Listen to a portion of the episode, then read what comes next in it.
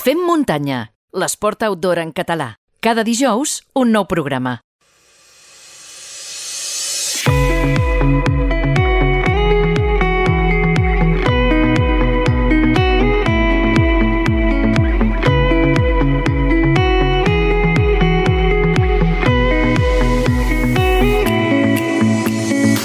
Els darrers minuts del programa els dedicarem per escoltar les reflexions que ens porta el nostre coach esportiu, en Guillem Marchal. Hola, Guillem. Veig que aquesta setmana hi ha un anunci que t'ha tocat la fibra. Molt bones, Xavi. Què tal, família muntanyera?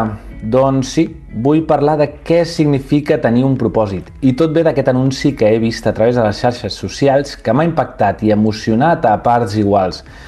Jo l'he penjat a les meves xarxes socials i també us el posarem a les de Fem Muntanya perquè complementi això que us diré ara i perquè comenteu també què, en penseu de tot plegat. Realment la paraula propòsit ha estat tan devaluada al llarg de la nostra vida que ara la fem servir amb una lleugeresa que li treu el valor i la força real que té. El maltractament que ha rebut per part de tothom, que per cap d'any es fa una llista de voluntats per l'any següent que no complirà, ha fet que associem un propòsit amb allò que pot ser o no assolible. I el que estan fent realment és fixar-se objectius de manera gratuïta, relacionant-los amb, eh, més amb els conjurs, els amulets, els rituals i les supersticions, que no pas amb el que realment depèn d'ells. El compromís, la disciplina, la constància, la determinació i la perseverança. Penso que estem en una societat malalta i imbècil a parts iguals que és capaç de creure més en escriure un paper per cap d'any, posar-lo a sota el peu esquerre, cremar-lo després de sopar i passar-se tot l'àpat bevent en una copa amb objectes d'or a dins que no pas en posar tota aquesta credibilitat i esforç en ells mateixos. A tots els que encara esteu en aquest punt us diré una cosa. La màgia existeix sempre i quan tu siguis el mag que fas els trucs si no, el que veus és il·lusionisme, que t'ensenya el que vols veure, però que a les 12 tot es transforma en carbasses i ratolins. Si tu no controles la teva pròpia màgia, seràs l'esclau de les il·lusions que et proposen els altres. Amigues i amics de Fem Muntanya, el propòsit que et vulguis marcar no entén de temps ni quantitats. Un propòsit no és un objectiu ni una meta perquè possiblement mai serà mesurable quantitativament perquè aquest surt i es valora des del cor i des de l'ànima a diferència dels altres.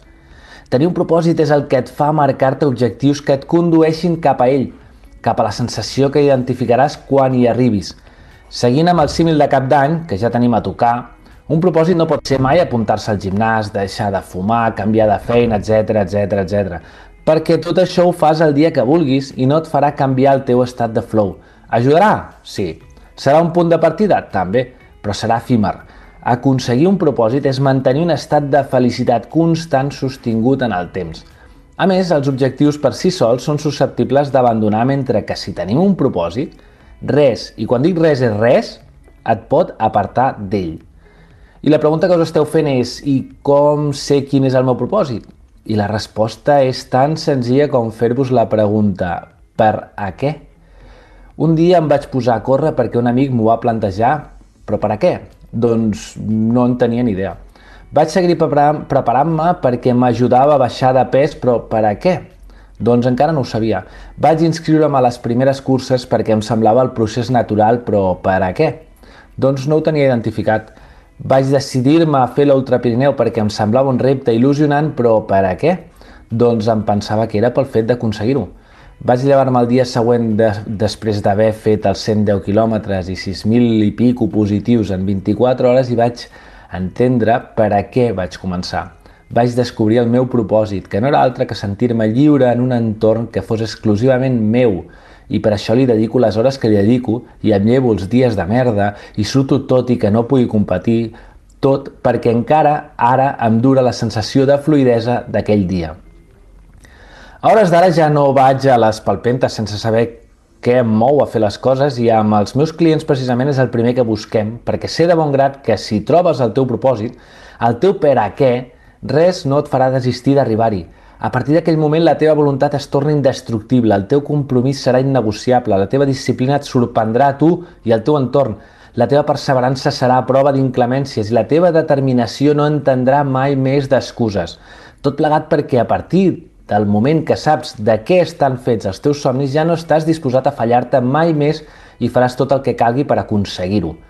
El que més em satisfà quan acabem un procés amb ells i elles és que són plenament conscients de que perquè abans no aconseguien el que es proposaven i ara són imparables. I abandonar deixa de ser una opció. Fem muntanyeres i fem muntanyeros. Quan veieu l'anunci us adonareu que l'home gran no té el propòsit de fer exercici, ni d'ocupar el seu temps de jubilat, ni de millorar la seva forma física, ni tan sols el de poder aixecar la seva neta. Mireu el somriure final i endevinareu el seu propòsit real. Així que apliqueu-vos-ho i penseu realment què és el que us demanareu pel nou any. Fugiu de rituals de merda que no porten enlloc i penseu des del cor per a què el dia 1 tornareu a fer esport us garanteixo que malgrat el menjar, la beguda i lo tard que aneu a dormir, el dia següent us descobrirà vestint-vos per sortir a fer muntanya. Bueno, Xavi, crec que ha arribat el moment de que ens expliquis quin és el teu propòsit. Si vols, és clar. Apa, doncs, fins la setmana vinent. Moltes gràcies, Guillem. Fins dijous vinent. La veritat és que normalment no sóc dels que es marquen propòsits eh, de cara a l'any nou i molt menys sóc de rituals. Els propòsits me'ls poso quan crec, ja sigui el desembre, el març o el juliol. Dona igual al mes. Podeu dir la vostra, si voleu, a través de les nostres xarxes socials. Visita la nostra web femmuntanya.cat